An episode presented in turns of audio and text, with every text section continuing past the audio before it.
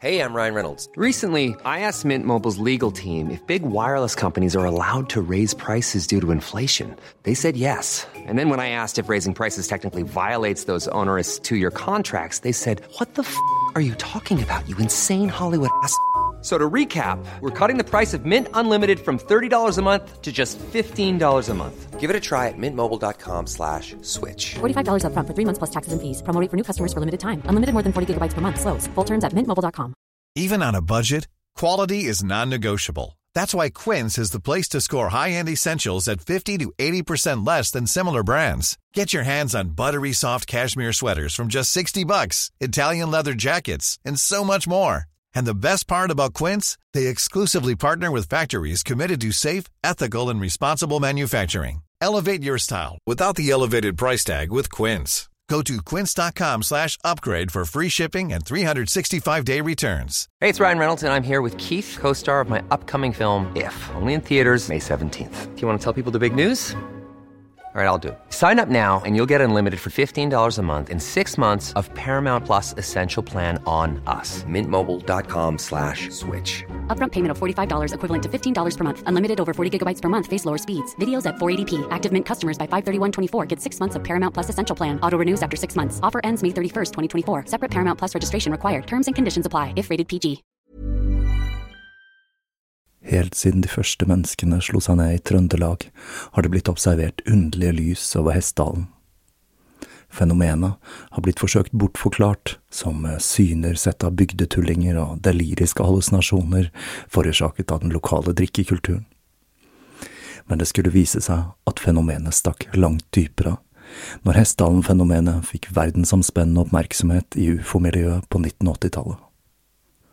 Fenomenet er fremdeles der, og det er fremdeles like uforklarlig som den gang. I 2024 kommer en podkastserie i seks deler produsert av Project Hessdalen, som kanskje en gang for alle skal finne svar på hva som rører seg på himmelen i denne bortgjemte dalen i Trøndelag. Serien har som seg hør og bør fått tittelen A Blaze in the Northern Sky, og den kommer til din favorittpodkastavspiller i 2024.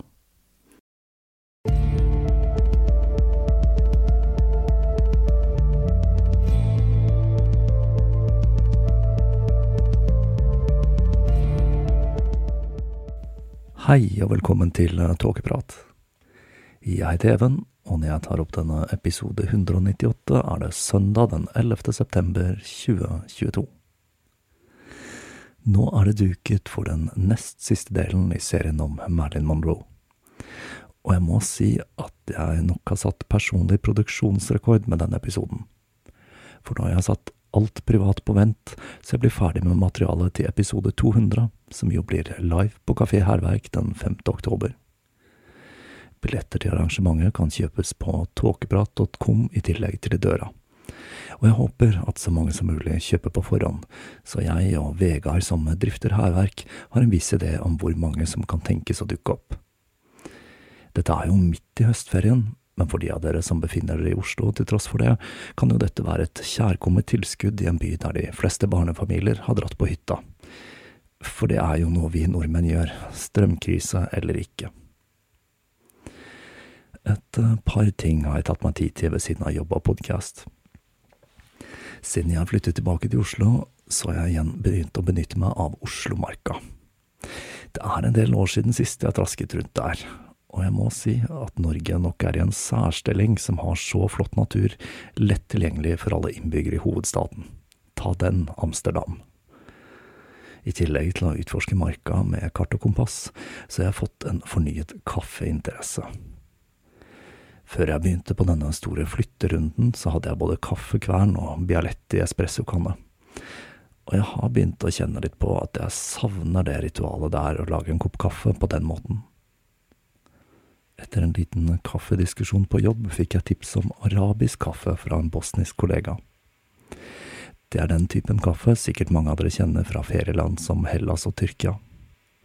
Dette er en måte å lage ufiltrert håndbrygget kaffe på, og det er på den måten man gjør det i blant annet den arabiske verden.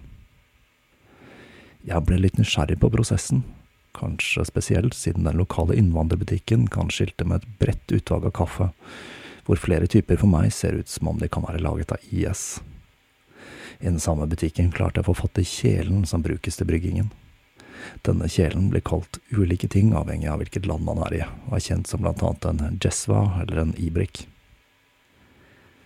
Det som gjorde det hele ekstra spennende for meg, er at jo flere jeg spurte om hvordan man brygger denne typen kaffe, jo mer ble det klart for meg at alle har sin egen metode.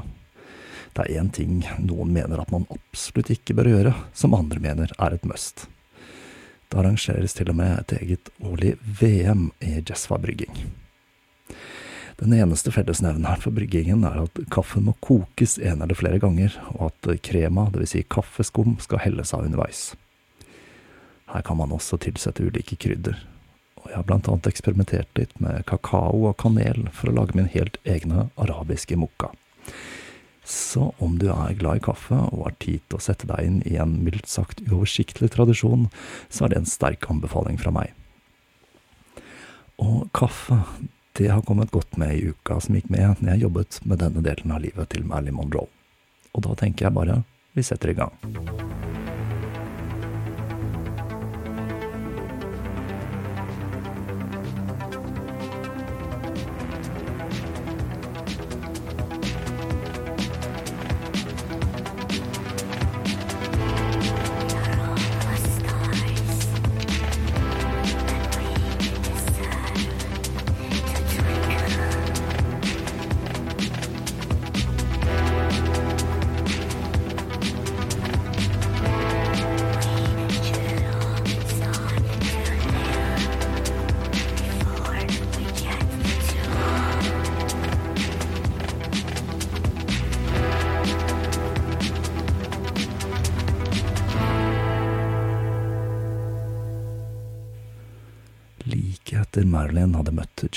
Joe skulle bildene Tom Kelly hadde tatt av henne, dukke opp igjen, til tross for dette kløktige aliaset Mona Monroe.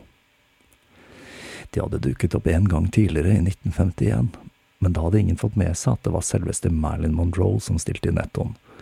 Men det skulle endre seg i 1952, når bildene ble trykket på ny i en ny kalender.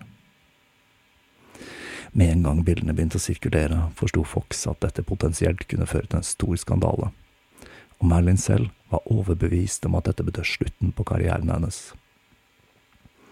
Til tross for at Hollywood-systemet var et der man var forventet å ligge seg til topps, var det ekstremt dobbeltmoralsk, og det hadde blitt enda mer puritansk etter det ble innført nye sensurregler i 1934. Det var vanlig at filmstudioene hadde strenge moralske klausuler i kontraktene sine, og at det var strengt forbudt for artister å gjøre ting som kunne oppfattes som umoralsk, og dermed kunne sverte ryktet deres. Til tross for dette, så lot ikke de store stjernene dette påvirke livene deres noe særlig. De gangene storheter som Frank Sinatra ble suspendert, så så de på dette mer som en ferie som ga dem litt ekstra publisitet. Dette var også en periode da Amerika var midt i sin epoke med denne røde fare og ekstrem kommunistfrykt. Senator Joe McCarthy gjorde det han kunne for å spre frykt om at samfunnet var i ferd med å gå på dukken av lav moral. Og det at Marilyn Monroe poserte naken på et rødt fløyelspledd, var jo mildt sagt en potensiell bombe. Fox gikk rett i panikkmodus og kalte Marilyn inn på teppet og spurte om det virkelig var hun som var fremstilt på fotografiene. Hun svarte som sant var at det var henne, men så la hun til. Jeg syns ikke Tom klarte å fange meg fra min beste side. Marilyn hadde allerede avtalt et intervju med Erlin Mosby fra United Press International, og framfor å avlyse intervjuet bestemte hun seg for å bruke dette som en mulighet til å forklare seg. Marilyn fortalte den historien hun pleide å spinne om seg selv, om hvor hardt livet hennes hadde vært. Hun fortalte reporteren at hun i den perioden verken hadde hatt penger til mat eller husleie, og at hun ble spurt av en fotograf hun kjente om hun ville posere naken. Hun fortalte videre at kona til fotografen var til stede, og at de var så snille at hun takket ja, og hun fortalte dem, som sant var, at hun fikk 50 dollar for oppdraget. Var det en gal ting å gjøre, spurte hun reporteren mens tårene rant. Jeg trodde ikke noen ville gjenkjenne meg, og nå sier de at det kan ødelegge karrieren min. Intervjuet ble en enorm nyhetshistorie som ble plukket opp av samtlige nyhetsbyrå, og historien spredte seg rundt verden som ild i tørt gress. Dette var et av de beste PR-stuntene Merlin gjorde. Reaksjonen fra publikum var enstemmig, de tilga henne, og hele kontroverset gjorde henne til en større stjerne enn noensinne. Hun unnskyldte seg aldri for bildene, og et av dem skulle havne på forsiden av det første nummeret av Playboy, og var med på å hjelpe magasinet og Hugh Hefner til å ta av. Fra dette tidspunktet var Marilyn Monroes status som en sexgudinne hugget i stein. Men en skandale kommer sjelden alene, i alle fall ikke om man heter Marilyn Monroe. I alle år hadde Marilyn fortalt at hun var foreldreløs, og at begge foreldrene var døde. Men den delen av imaget hennes skulle slå sprekker når en reporter, Erskine Johnson fra Hollywood Reporter, klarte å spore opp Gladys i 1952. Den 3. mai trykket Hollywood Reporter en artikkel der han skrev at moren til Marilyn Monroe jobbet på et gamlehjem, Homestead Lodge i Eagle Rock, California.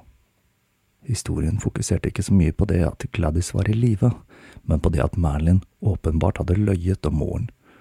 Og for å gjøre vondt verre hadde Merlin akkurat gjort et intervju der hun hadde fortalt at hun hadde blitt foreldreløs etter begge foreldrene hadde dødd når hun var liten. Som svar på artikkelen skrev Merlin et åpent brev, der hun skrev at hun følte at hun ikke hadde gjort noe galt, selv om jo hun visste at moren var i live, siden de to aldri hadde kjent hverandre og aldri hadde hatt et normalt mor-datter-forhold. Når det gjaldt Gladys, var det først og fremst å sørge for at moren ikke fikk greie på skandalen med nakenbildene som sto som det fremste for Merlin. Når Gladys hadde fått høre fra Grace at den nye mannen hennes var en bigamist, hadde hun blitt rasende fordi hun var overbevist om at dette var noe Merlin hadde funnet på for å ødelegge livet hennes. Men til tross for at hun nektet å høre på det øret, var det andre problemer med denne ektemannen.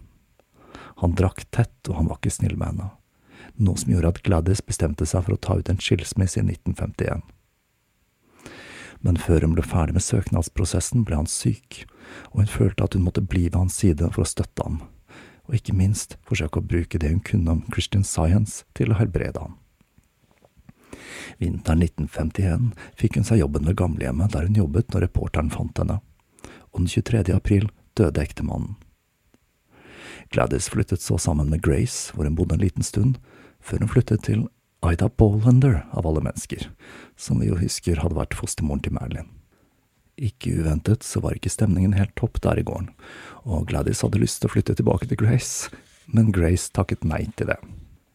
Det er verdt å merke seg at Marilyn sendte penger til moren i hele denne perioden. Sommeren 1952, mens Gladys jobbet ved gamlehjemmet, var datteren mer og mer i rampelyset, og det var umulig for henne å ikke få det med seg. På TV-en i TV-stua hjemme var Merlin å se til stadighet, enten det var på grunn av kalenderskandalen eller romansen med Joe DiMaggio. Gladys forsøkte å fortelle pasienter og kollegaer at hun var moren til Merlin, men ingen trodde på henne. Men en dag tok hun med seg bilder av henne og datteren som liten. Medarbeiderne reagerte med sjokk når de innså at Gladys hadde fortalt sannheten, og de syntes det var trist at moren til superstjernen var nødt til å jobbe på et gamlehjem for å få endene til å møtes. Karrieremessig pekte alt oppover for Marilyn. Hun fikk fornyet kontrakt med Fox, og hun fikk nå 750 dollar i uken. Men så dukket altså den historien om at moren var i live opp. Etter å ha skrevet dette åpne brevet ringte hun til reporteren som sto bak artikkelen, Erskine Johnson, og tilbød ham et eksklusivt intervju. Det fikk hun selvsagt, og hun fortalte Johnson at når hun vokste opp, hadde moren vært invalid og hadde ligget på sykehus, og at dette var noe hun ikke visste når hun ble oppdratt i ulike fosterhjem. Jeg hjelper moren min nå, sa hun. Jeg har bare lyst til å glemme alle de ulykkelige stundene og all elendigheten. Jeg forsøker, men jeg klarer det ikke helt. Noen ganger når jeg er Marilyn Monroe og ikke Norma Jean, så klarer jeg det. Den samme sommeren begynte Marilyn og Joe DiMaggio å treffes oftere. Han hadde jo lagt karrieren på hylla, men han hadde fått seg en jobb som kommentator for Yankees. Men dette var en jobb han ikke var spesielt dyktig til. Han hadde nemlig ikke personligheten man trengte på TV.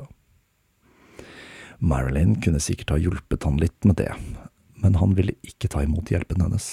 Hun trengte å finne sin plass, mente han.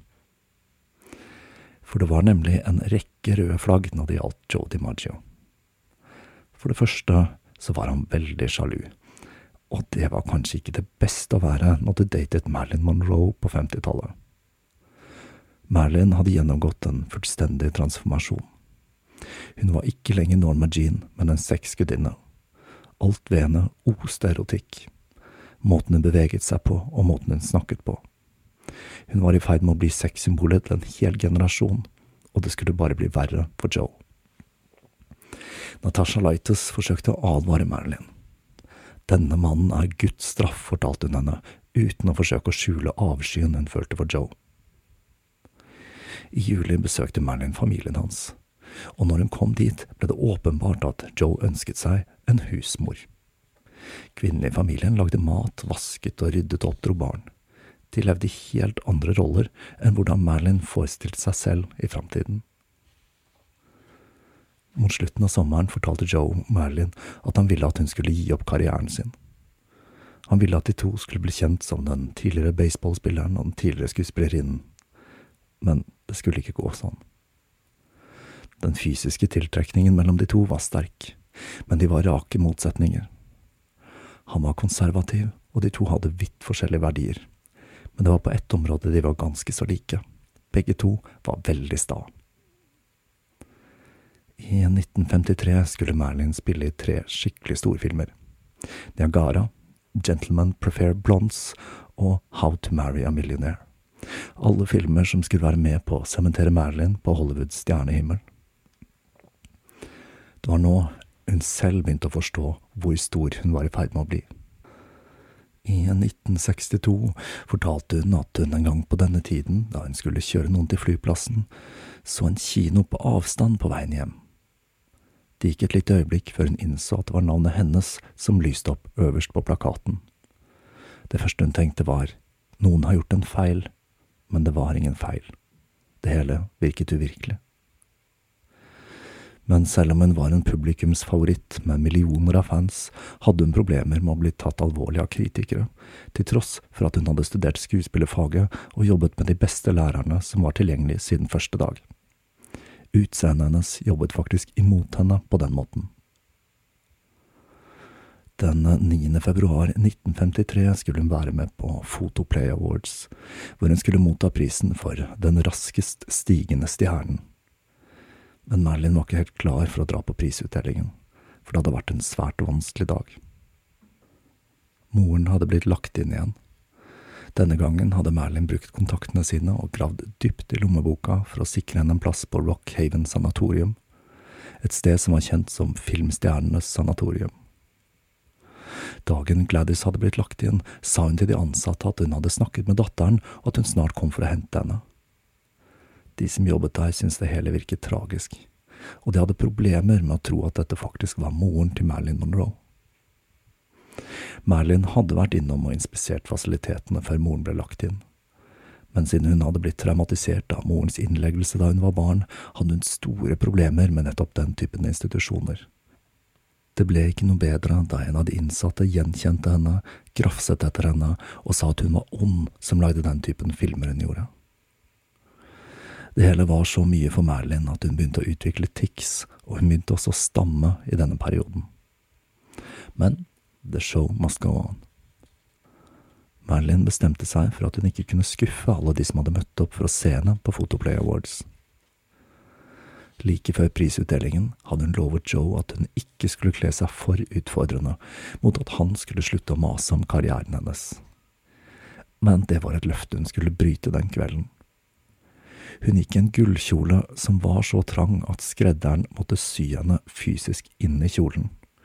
Og for å gjøre det hele enda mer vågalt, så brukte hun verken bh eller truse. Dette ble for mye for Joe, som stormet ut og satte seg på første fly til San Francisco. En dag i mai 1953, etter hun hadde vært på shopping, så hun at bilen til Grace var parkert utenfor leiligheten.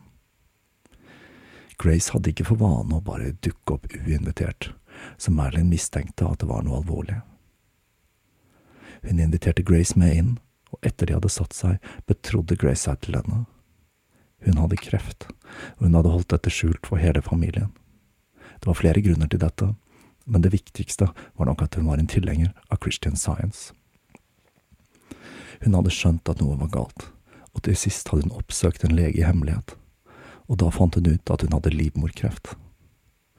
Dette gjorde det hele enda mer vanskelig, da dette var en kvinnesykdom, noe mange kvinner på 50-tallet forbandt med skam. Det gjorde at Grace ikke hadde fortalt noe om dette til mannen, Doc. Marilyn bestemte seg for å kjempe for tante Grace, og hun bestemte seg for at hun skulle bruke den samme energien hun hadde brukt på å fremme sin egen karriere for å hjelpe henne. Hun ville gi Grace alt det beste datidens moderne medisin hadde å tilby. Men det kom til å bli en vanskelig affære, da Grace ville skjule tilstanden både for mannen og resten av familien. De neste månedene skulle bli en prøvelse for Grace. Hun var ikke vant til gynekologiske undersøkelser, og den intense prøvetagingen var en stor påkjenning. En dag sa hun at hun ikke kunne dra hjem til ektemannen. Hun orket ikke å stå ansikt til ansikt med ham, sa hun, og Merlin foreslo at hun kunne bo hos henne resten av sommeren. Mens hun var der, begynte Merlin å dele litt av sine egne problemer med Grace. Hun hadde begynt å få litt problemer med Fox, sa hun. Sjefen der, Daryl Sonic, hadde nemlig en torn i sinnet til Marilyn, og han klarte ikke å endre førsteinntrykket han hadde av henne som en dum skuespillerinne han kunne herse med. Marilyn fortalte Grace at hun hatet hver eneste film hun hadde laget for ham. Grace på sin side sa at Merlin måtte innse at hun var mektigere enn hun kanskje selv innså. Merlins 27. bursdag den 1. juni tilbrakte hun med Grace og et par venner. Merlin slo på tråden til Gladys, men det skulle hun nok ikke gjort, for det skulle legge en demper på kvelden. Gladys startet med å si at hun ikke kunne huske at det var Merlins bursdag. Faktisk så kunne hun ikke huske at hun hadde født henne i det hele tatt, kunne hun fortelle. Så begynte hun å hyle og skrike om at de måtte befri henne fra sanatoriumet om de virkelig brydde seg om henne. Som sagt så la telefonsamtalen en demper på Merlins 27. bursdag, og etter den samtalen sverget Merlin på aldri å ringe moren på bursdagen igjen. Den 26. juni fikk Merlin gjort noe som nok var det største for henne fram til da. Hun fikk satt hånd- og fotavtrykkene sine utenfor Grauman's Chinese Theater på The Hollywood Walk of Fame. Senere på sommeren fikk Merlin bronkitt, og Grace insisterte på å ta seg av henne. Hun fungerte som en sekretær og la telefonen under en stabel puter slik at den ikke skulle forstyrre Merlin. Det var på denne tiden Grace ble oppmerksom på at Merlin hadde et pilleproblem. Hun kunne ikke sove uten, hun kunne til og med ikke ta en lur på dagen uten. For å komme seg til hektene etter å ha sovet, var hun nå blitt avhengig av stimulanter for å komme seg over hva hun kalte en sovepille-hangover. Grace konfronterte Marilyn, men hun sa at hun hadde full kontroll. Jeg er veldig forsiktig, jeg har tatt disse pillene i over ti år nå, fortalte hun, som om det var spesielt betryggende. Marilyn hadde også begynt å drikke tett, og det gikk i bourbon og soda. I tillegg så spiste hun mer og hadde begynt å legge på seg. For å holde vekten så hun skulle klare å komme inn i de åletrange kjolene, hadde hun begynt å ta klyster. Hun tok så mange klyster som var nødvendig for å komme inn i dem, og hun kunne gå ned så mye som fem til åtte centimeter i livvidde med denne metoden. Så der har dere et glohett slanketips her på Tåkeprat. Mens eh, Grace bodde hos Merlin, begynte hun også å ruse seg for å kjempe mot smerte og dødsangst. Merlin forsøkte å få henne til å prøve cellegift, men det var litt for mye for Grace, som også takket pent nei til en hysterektomi, altså fjerning av livmor. Merlin begynte å gjøre seg klar for sin tredje storfilm det året, River of No Return, mens det ble mer og mer åpenbart at hennes elskede tante Grace var i ferd med å dø. Om kvelden satt de og drakk flaske på flaske med vin, og Merlin avsluttet kveldene med en håndfull piller for å få sove. Igjen så er denne blandingen av barbiturater og alkohol en yndet blanding til bruk enten i drap eller selvmord. Så selv om det bare var Grace som hadde fått dødsdommen, så kan vi vel si at begge kvinnene var i en tilstand mellom liv og død. Grace på sin side holdt seg til alkoholen, og satset nå alt på at Christian Science skulle redde henne. Det førte til at alle pillene hun fikk, smertestillende og beroligende, hopet seg opp i medisinskapet til Marilyn. I september måtte Marilyn dra til en annen stat for å begynne filmingen, og Grace dro hjem igjen. Den 23. september døde hun, i en alder av 59 år.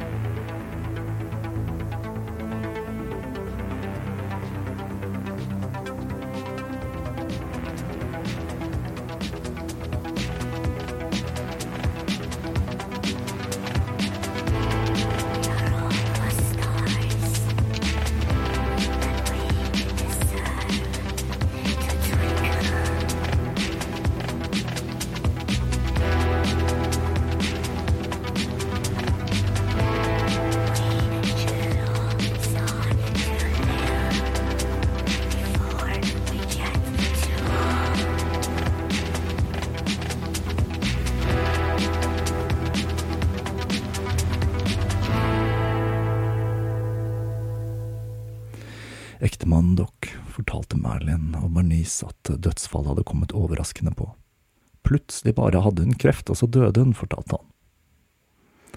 Begravelsen var en tøff affære for Merlin, som betrodde seg til søsteren og sa, Nå er et anker i livet mitt borte. Jeg føler at livet bare er ett tap etter et annet. Bernice forsøkte å trøste henne med at hun kanskje kunne finne trøst i Joe DiMaggio. Etter begravelsen fikk Madeline en telefon fra Aida Bolender, som sa at hun ikke kunne fatte hvorfor Grace hadde vært så fiendtlig innstilt til henne. Men hun sa at Merlin hadde Bolender-familiens dypeste kondolanser. Men hun skjøt også inn at hun var litt lei seg for måten Merlin hadde fremstilt tiden hun hadde bodd hos dem. De skriver at vi er fattige, og at vi behandlet deg dårlig, sa hun. Jeg skjønner ikke hvorfor. Denne historien var nemlig noe som passet inn i narrativet til Marilyn Monroe og fortellingen om hvordan oppveksten hennes hadde vært. Og det må sies at Marilyn aldri forsøkte å rette på fremstillingen hun hadde gjort av Bolender-familien. Men i den telefonsamtalen så sa hun til Aida at dersom de noen gang trengte økonomisk støtte, så var det bare å spørre. Hvorpå Aida svarte at de hadde alltid trengt det, og takket høflig nei. Noen år etter begravelsen ble det avslørt at Grace Gothard ikke hadde dødd av kreft. Hun hadde begått selvmord med en barbiturat-overdose. Tilbake i leiligheten befant Merlin seg alene med tankene sine, og ikke minst med et medisinskap fullt av piller. Mot slutten av 1953 var Merlin nær et fullstendig sammenbrudd. Med Grace død, et turbulent forhold til Joe DiMaggio, en ekstremt hektisk jobbhverdag og en mor som var lagt inn på mentalsykehus, toppet det seg for henne når hun ble tilbudt en rolle i en film med tittelen The Girl in Pink Tights. Bare ved å se på tittelen så Merlin for seg at dette dreide seg om enda en dum blondinerolle, noe hun følte hun hadde vokst fra. Merlin forlangte å få se manus før hun takket ja til rollen, noe Fox nektet henne. Helt siden stumfilmalderen hadde tatt slutt, hadde skuespillere sett seg nødt til å ta til takke med hva enn studiene hadde å tilby dem, men nå skulle Merlin gjøre noe uhørt. Når hun skulle møte opp i studio den 15. desember, så uteble hun. Fox sendte et par produsenter hjem til henne for å forsøke å få henne til å forandre mening, men de ble jaget vekk av en illsint Joe DiMaggio, som nå var mer misfornøyd enn noensinne med karrieren til Marilyn, som var blitt et nervevrak og var avhengig av piller. Det var mer enn bare filmtittelen som hadde gjort at Marilyn hadde takket nei til The Girl in Pink Tights. Hun var nemlig blitt oppmerksom på at Frank Sinatra tjente 5000 dollar i uka mot hennes 1500 noe som gjorde at hun var blitt enda mer misfornøyd med Fox. I hemmelighet hadde hun snakket med en fotografvenn, Milton Green, om saken, og han hadde foreslått at de kanskje skulle starte et eget produksjonsselskap. Dette var noe en del mannlige stjerner i samtiden hadde, som Kirk Douglas og John Wayne, men for en kvinne var dette uhørt i 1953.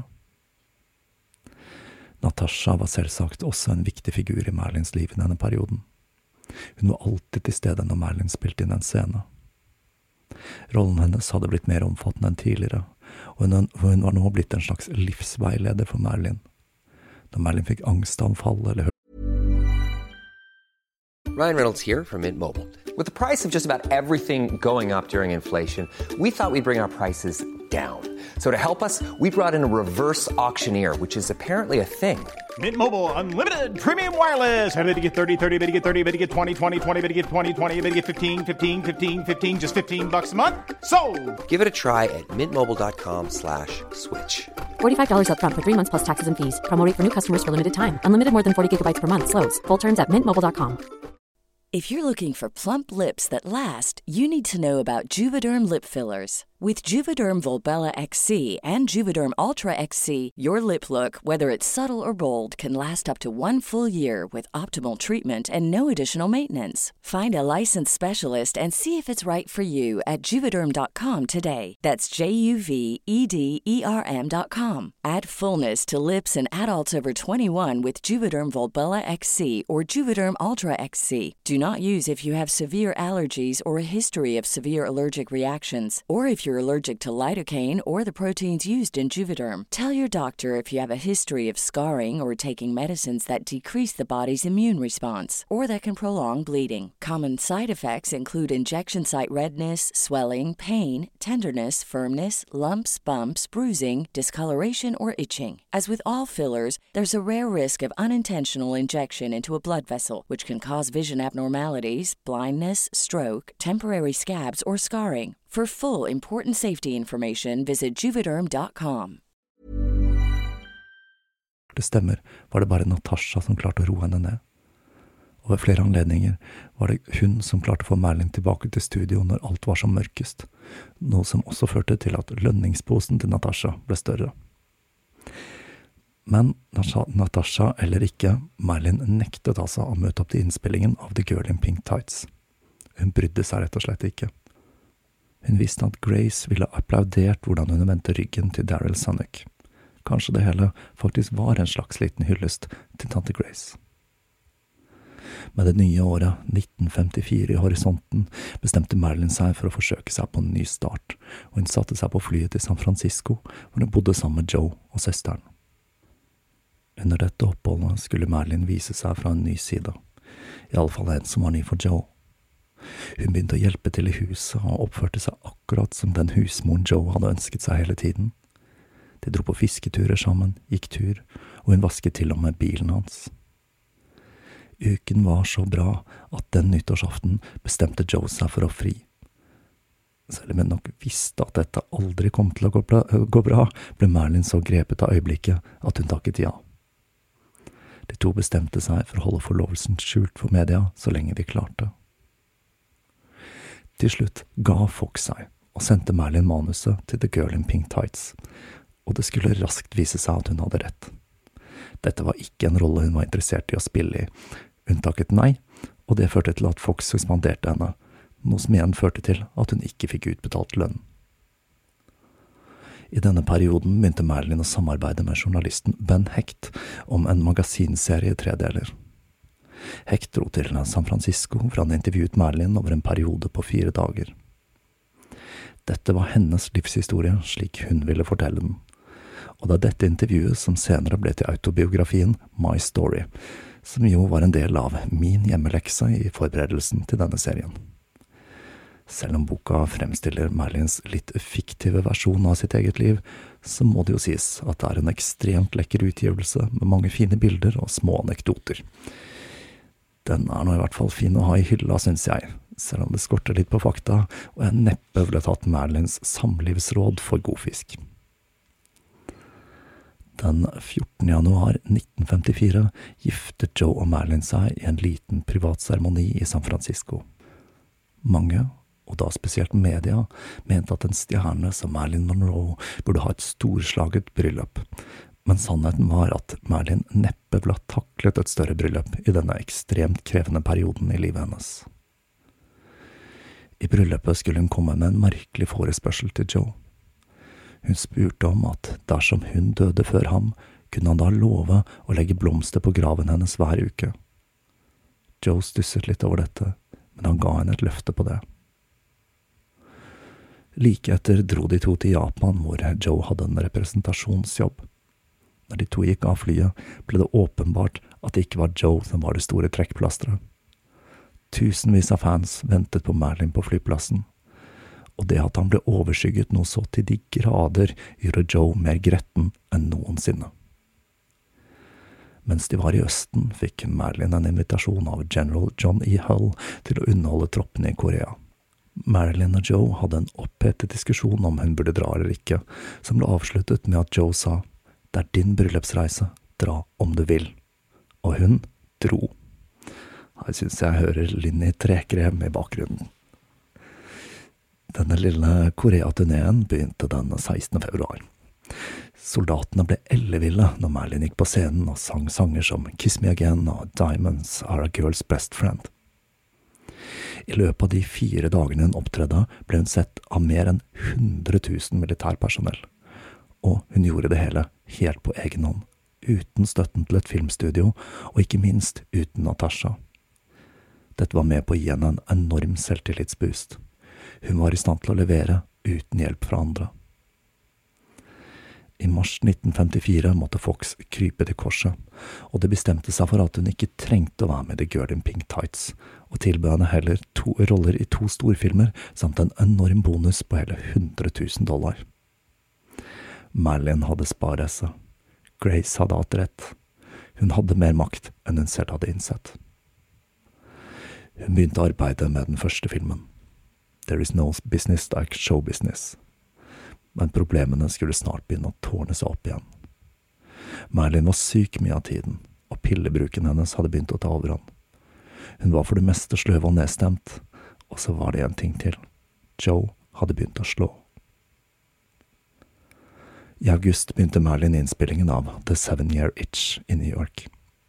En film som skulle være med å gjøre henne om mulig til et enda større sexsymbol enn tidligere. Det er i denne filmen vi finner den ikoniske scenen der skjørtene hennes blåser opp når det kommer et vindkast fra en ventil til T-banen. Under filmingen av denne scenen hadde visstnok Merlin på seg et par truser som ble gjennomsiktige i lyset fra lyskasterne, og Joe var der når scenen ble filmet om og om igjen hele 15 ganger. Han dro rasende tilbake til hotellet hvor han ventet på henne. Når hun kom, begynte han å banke henne opp, og det hele var så bråkete og hørtes så ekstremt ut at andre gjester varslet resepsjonen i frykt for at noen var i ferd med å bli drept. Under mishandlingen skal Merlin ha skreket. Nå klarer jeg ikke mer, jeg forstår ikke hva som får en mann til å slå en svak og sårbar kvinne, jeg kan bare ikke fatte det.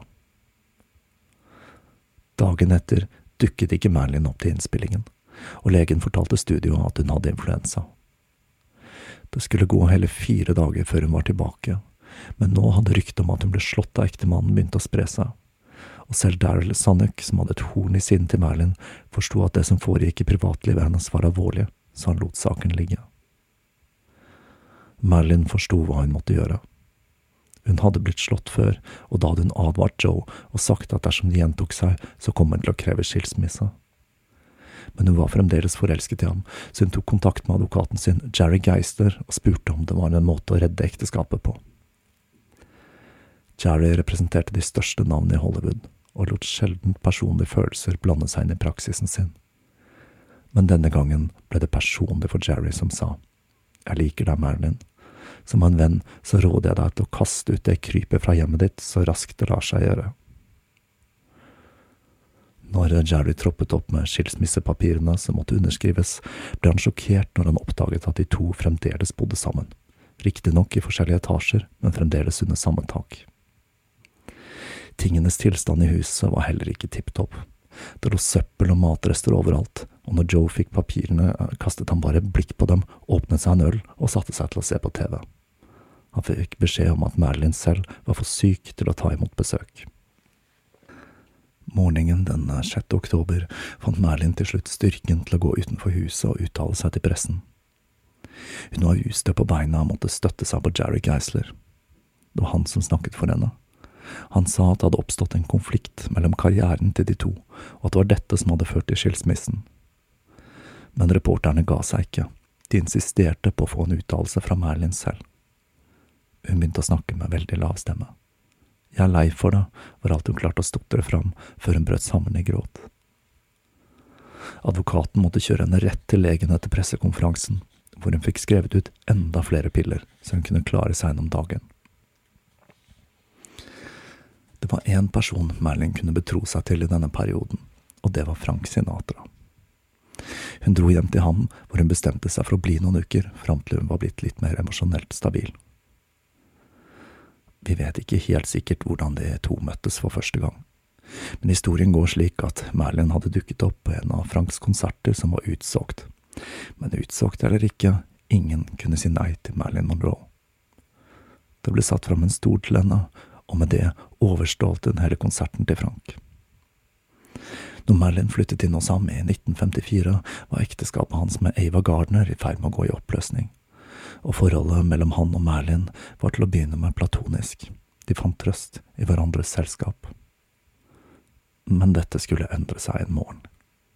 Som sagt tidligere i serien, så var Merlin ubeskjeden når det gjaldt nakenhet.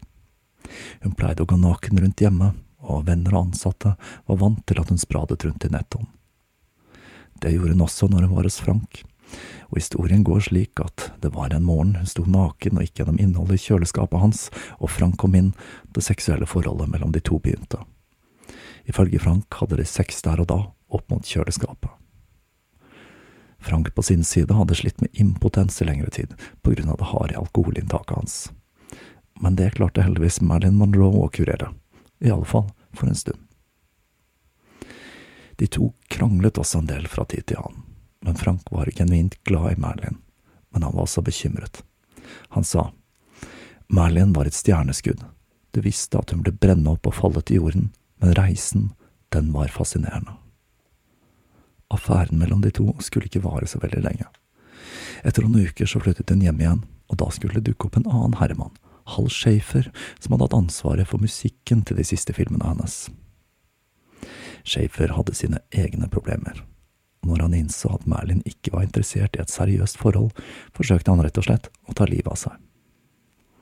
Merlin dukket opp på sykehuset for å pleie han, og når Joe fikk vite at hun hadde fått seg en ny elsker, ble han rasende. Joe DiMaggio var en god venn av Frank Sinatra, og han fortalte at han ville gjøre det han kunne for å stikke kjepper i hjulene for skilsmissen. Han fikk Frank til å ta kontakt med en privat etterforsker som begynte å fotfølge Marilyn i håp om å ta henne på fersken med Schaefer. De lyktes ikke med det, for Marilyn, som allerede var veldig paranoid, var skrekkelig klar over at hun ble forfulgt. Den 27. oktober ble skilsmissen innvilget, og Marilyn var igjen en fri kvinne. Men Joe, han ga seg ikke med det. Han var sikker på at Merlin og Schaefer hadde holdt seg unna hverandre fram til skilsmissen ble innvilget, og at nå som de hadde muligheten, så kunne han ta dem på fersken. Joe sendte derfor en bande med bøller til et leilighetskompleks der han visste at de oppholdt seg. Men det var nok ikke de smarteste karene han hadde ansatt, for de tok seg inn i feil leilighet, og der begynte de å gå løs på inventaret. Merlin og Schaefer, som var i leiligheten ved siden av, var klar over at de var i livsfare, og de klarte å flykte. Frank ble rasende når han hørte om denne aksjonen som Joe hadde stelt i stand, og dette betød slutten på vennskapet mellom Joe og Frank. Marilyn hadde behov for en forandring. Hun befant seg igjen på bånn emosjonelt, og bestemte seg for å flytte til New York.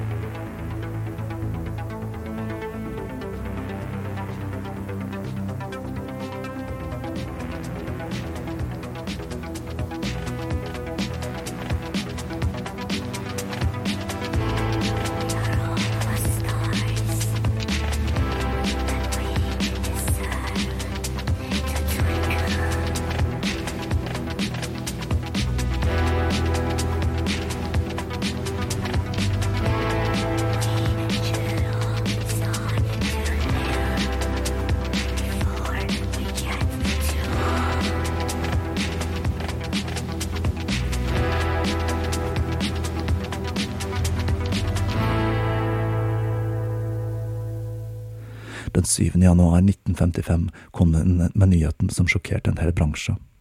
Hun og Milton Green skulle starte et nytt produksjonsselskap, Marilyn Monroe Productions, med henne som president og Milton som visepresident.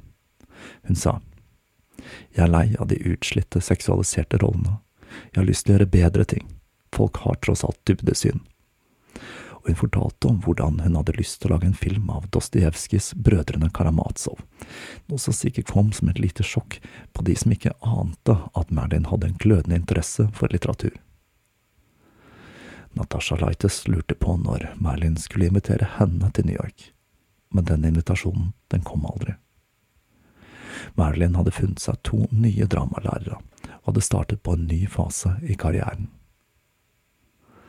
Et nytt innslag i livet til Merlin var at hun, at hun hadde begynt å gå i terapi. I New York ble hun anbefalt en terapeut som het Margaret Hornberg, og det var dramalæreren hennes, Lee Strassberg, som hadde anbefalt henne å gå i terapi. Han var en mann som selv hadde sin porsjon med problemer.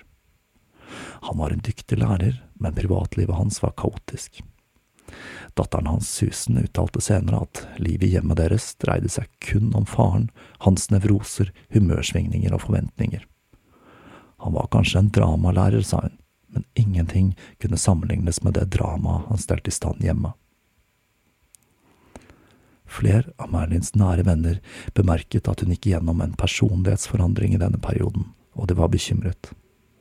Hun ble stadig mørkere, i terapi hadde hun lært seg å ikke bare konfrontere, men omfavne fortiden, og det gjorde at hun tenkte på sitt mørkeste og tristeste jeg hver eneste dag, og gjorde dette til en del av personligheten sin. Dette førte selvsagt til at pillebruken økte, og hun var nå helt avhengig av medikamenter for å i det hele tatt fungere. Det må sies at hun langt fra var alene i sitt pillemisbruk i filmbransjen på den tiden, men i sin søken etter å forstå seg selv tåkla hun sin egen syke mer og mer. Søsteren Bernice var spesielt bekymret over forandringen i Merlin. Hun la mye av skylda på terapien, og mot slutten av 1955 hadde Merlin time hele tre ganger i uken, i tillegg så ringte hun terapeuten for råd og veiledning. Når Merlin hadde annonsert at hun ville starte sitt eget produksjonsselskap, hadde Fox saksøkt men mot slutten av 1955 tapte de, og tilbød henne en gullkantet kontrakt på fire filmer over de neste syv årene, og hun kunne selv velge hvem hun ville spille i. Det var en enorm seier for Marilyn. Samtidig planla Marilyn Monroe Productions sin første, sine første to produksjoner, som skulle være Bust Up, som skulle lages for Fox, og The Sleeping Prince. Det var kanskje litt ekstra glasur på kaka at Time Magazine skrev at det finnes overbevisende bevis om at Marilyn Monroe er en utspekulert businessmann, noe som nok slo litt sprekker i dum blondine-imaget pressen hadde dyrket fram, om enn med god hjelp fra Marilyn selv. Våren 1955 hadde Marilyn begynt på enda et nytt kapittel i livet, når hun hadde startet et romantisk forhold med dramatikeren Arthur Miller. Miller var høy, tynn og tankefull, og så, som alle de andre mennene i livet til Merlin, ganske normal ut. De hadde først møttes i 1951 under innspillingen av As Young As You Feel. Miller var en veletablert dramatiker som hadde vunnet en rekke priser. Han ble født i Harlem, New York i 1915 av en jødisk familie. Det stykket han nok er mest kjent for, er Death of a Salesman, som hadde premiere på Broadway i februar 1949. Og jeg må innrømme at der jeg kjenner til det stykket fra, er Seinfeld, der George Costanza til stadighet blir sammenlignet med karakteren Biff Lowman. Når Merlin og Miller begynte affæren sin, var dette i en svært så turbulent periode for Miller. Han var nemlig under etterforskning av The House Un-American Activities Committee, eller HUAC. Dette var jo midt i den verste Red Scare-perioden i USA, og siden Miller var en kjent venstreorientert skribent og offentlig person, havnet han raskt i myndighetenes søkelys. I 1949 erklærte FBI at Death of a Salesman var med på å undergrave amerikansk kultur, og J. Edgar Hoover hadde et horn i siden til ham etter skuespillet The Crucible, som var inspirert av opplevelsene til Millers venn Elia Kazan, som hadde blitt avhørt av Huak og hadde blitt presset til å oppgi navn på skuespillere som var interessert i russisk historie. The Crucible portretterer kommunistforfølgelsen i USA som hekseforfølgelsen i Salem, som vi jo har vært innom her i Dokkeprat før. Og etter premieren på Broadway i 1953 ble han ikke noe mer populær i Huak, og han ble stemplet som en kommunistsympatisør. Det må også sies her at Miller faktisk kjente noen medlemmer av kommunistpartiet, og han var interessert i kommunisme, uten å være medlem selv. Like etter premieren på The Crucible ble passet hans inndratt, og han svarte med å lage enda et skuespill, View from the Bridge, for å forsvare seg, men det førte bare til enda mer overvåkning og trakassering fra Huak. Det er mange som har undret seg over hvorfor FBI igangsatte en omfattende etterforskning av Marilyn Monroe, men der har altså svaret. I oktober 2006 ble de graderte dokumentene frigitt under The Freedom of Information Act, og da ble det ganske åpenbart at dette dreide seg om forholdet til Arthur Miller, og ikke minst at J. Edgar Hoover var besatt av kommunistinfiltratører blant Hollywood-kjendiser. Han er jo en fyr vi egentlig burde hatt en egen serie om. Han var ikke helt i vater, han. Når Marilyn senere skulle bli assosiert med Kennedy-familien, så skulle denne overvåkningen fra FBI nå nye høyder. Det er jo litt ironisk at nettopp denne overvåkningen var noe som gjorde at Marilyn og Miller raskt ble veldig nære. De ble så nære at Merlin testamenterte 100 000 til ham like etter de hadde begynt å date, og det gir vel en liten pekepinn på at hun så for seg at de kunne ha en framtid sammen. I februar 1956 dro Merlin tilbake til LA for å begynne på arbeidet med Bust Up, den første filmen produsert av hennes eget produksjonsselskap. Og med det befant hun seg igjen på vestkysten for første gang på mer enn et år. Det var en som ventet veldig på henne der, og det var Natasha, og det gikk ikke lang tid før hun ringte Merlin. Det hele var en litt anstrengt telefonsamtale, hvor Merlin fortalte Natasha at hun trengte en ny start. Det var ingen hemmelighet at Natasha hadde følelser for Merlin, og Merlin hadde blitt advart om at Natasha hemmet muligheten hennes til å vokse. Mens Merlin hadde vært borte, hadde Natasha havnet mer og mer i bakgrunnen. Sjekkene fra Fox var ofte forsinket, og Natasha merket at det ble hvisket bak ryggen hennes om besettelsen hun hadde av Merlin, og hun følte seg ydmyket. Hun elsket Merlin, og hun visste at hun hadde vært en stabiliserende faktor i livet hennes, og hun var redd at Merlin ville havne i en negativ spiral uten hennes hjelp. Men den Merlin som dukket opp i Hollywood, var en helt annen enn den som hadde dratt for et år siden. Natasha var desperat etter å treffe henne, så hun troppet opp i studio og forsøkte å ringe henne, men hun fikk ikke tak i henne. Merlin hadde nemlig bestemt seg for at hun ikke ville ha noe mer med Natasha å gjøre. Slik hun så det, hadde Natasha en del av skylden for at hun hadde fått disse fjollete blondinerollene.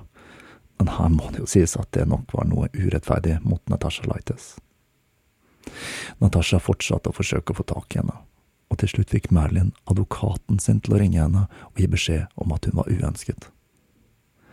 I et siste desperat forsøk fortalte Natasha at hun var dødssyk med kreft, men selv etter den avsløringen var det stille fra Merlin.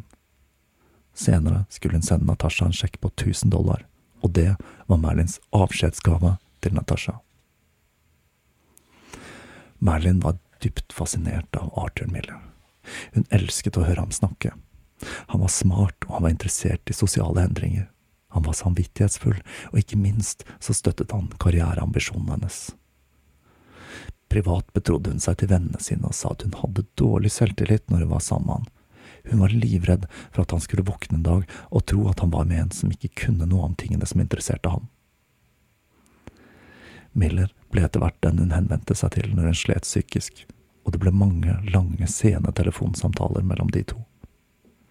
Hun hadde vent seg sånn til sovepillene på denne tiden at hun ikke lenger klarte å sove, så hun forsøkte å drikke champagne i tillegg, noe som førte til mang en omtåket våkenatt. I helgene møttes de på et hotell i Hollywood, og i dagene etterpå følte hun seg fullstendig nedtrykt uten ham. Søsteren skyldte igjen på terapien til Merlin, og sa at den gjorde at hun tenkte for mye gjennom alt hun hadde gjort eller burde ha gjort, og at dette var med på å trekke henne ned. Den 21. juni 1956 ble Arthur Miller kalt inn til en høring i Washington der han måtte svare på beskyldninger om assosiasjonen han hadde med diverse kommunistiske organisasjoner. Høringen ble direkte overført på TV, og selv om selve høringen var en ganske så kjedelig affære, så var det én ting som ble sagt som fikk Merlins verden til å stoppe opp. Miller ba om å få tilbake passet sitt da han hadde en produksjon i England, han ville gjerne reise dit med kvinnen som kom til å bli hans kone, sa han. Marilyn var himmelfallen. Hun var ikke helt sikker på hva hun følte om at Miller hadde fridd på denne litt bisarre måten under en Huak-høring på TV. Hun skulle ønske at han hadde diskutert det med henne først. Men hun var en romantiker.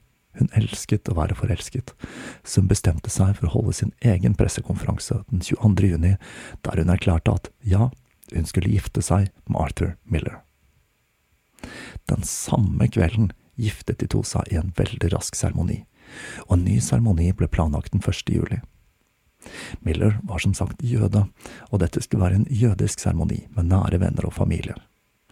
For å forberede seg tok Merlin et lynkurs i jødedom, noe som nok ikke er så veldig kjent for mange. Men hun begynte å få kalde føtter før den andre seremonien, og var like ved å takke nei. Men til syvende og sist så ville hun ikke ydmyke Miller, og hun gjennomførte den. I juli 1956, like før hun skulle starte innspillingen av The Prince and the Showgirl, skjedde det noe som skulle forandre forholdet deres for alltid. Miller førte en dagbok, og en dag fant Merlin den liggende på stuebordet. Hun ble nysgjerrig og bestemte seg for å ta en titt. Der kunne hun lese at Miller hadde begynt å angre seg på ekteskapet. Han hadde giftet seg med et barn, ikke en kvinne, skrev han. Hun var ikke så intelligent som han hadde håpet, og nå syntes han bare synd på henne. Dette var jo Marilyns verste mareritt. Hvordan Miller hadde prestert å skrive dette og la dagboken ligge åpen i stua, kan man jo undres litt over. Han var veldig klar over at dette ville såre Merlin dypt, og det hele virker litt som et veldig umodent grep for å få i gang en skilsmisse. Ekteskapet skulle naturlig nok aldri bli det samme igjen men for Merlin så var ikke dette dråpen som fikk begeret til å renne over. Hun bestemte seg for å bli i ekteskapet, men hun sverget på at hun aldri skulle vise seg fra sin sårbare side igjen. Straffen hans, bestemte hun, er at han aldri skal bli kjent med hele meg. Kun tre uker etter de hadde giftet seg, var ekteskapet med Arthur Miller over slik Merlin så det.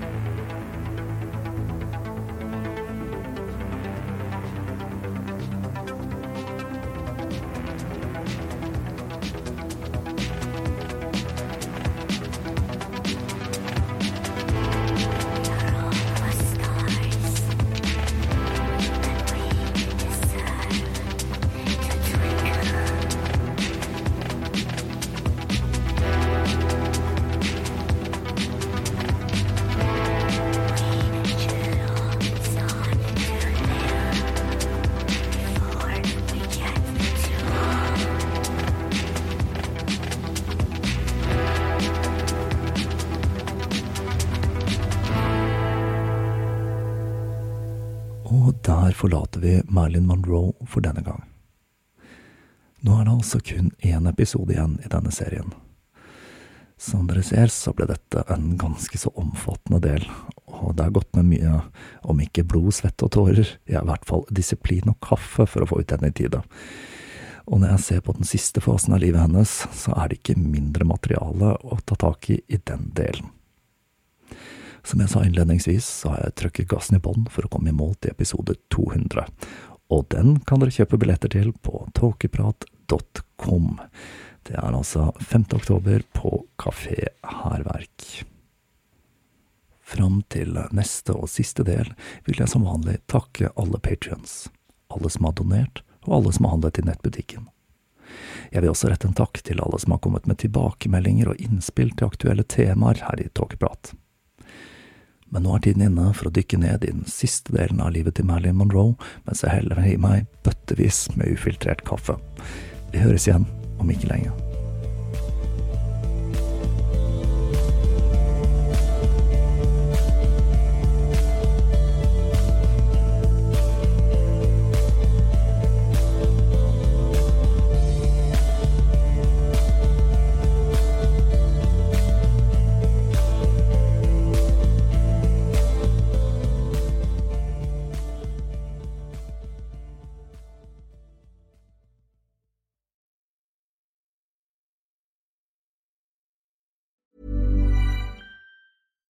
Catch yourself eating the same flavorless dinner three days in a row? Dreaming of something better? Well, HelloFresh is your guilt-free dream come true, baby. It's me, Kiki Palmer. Let's wake up those taste buds with hot, juicy pecan-crusted chicken or garlic butter shrimp scampi. Mm. Hello Fresh. Stop dreaming of all the delicious possibilities and dig in at HelloFresh.com. Let's get this dinner party started.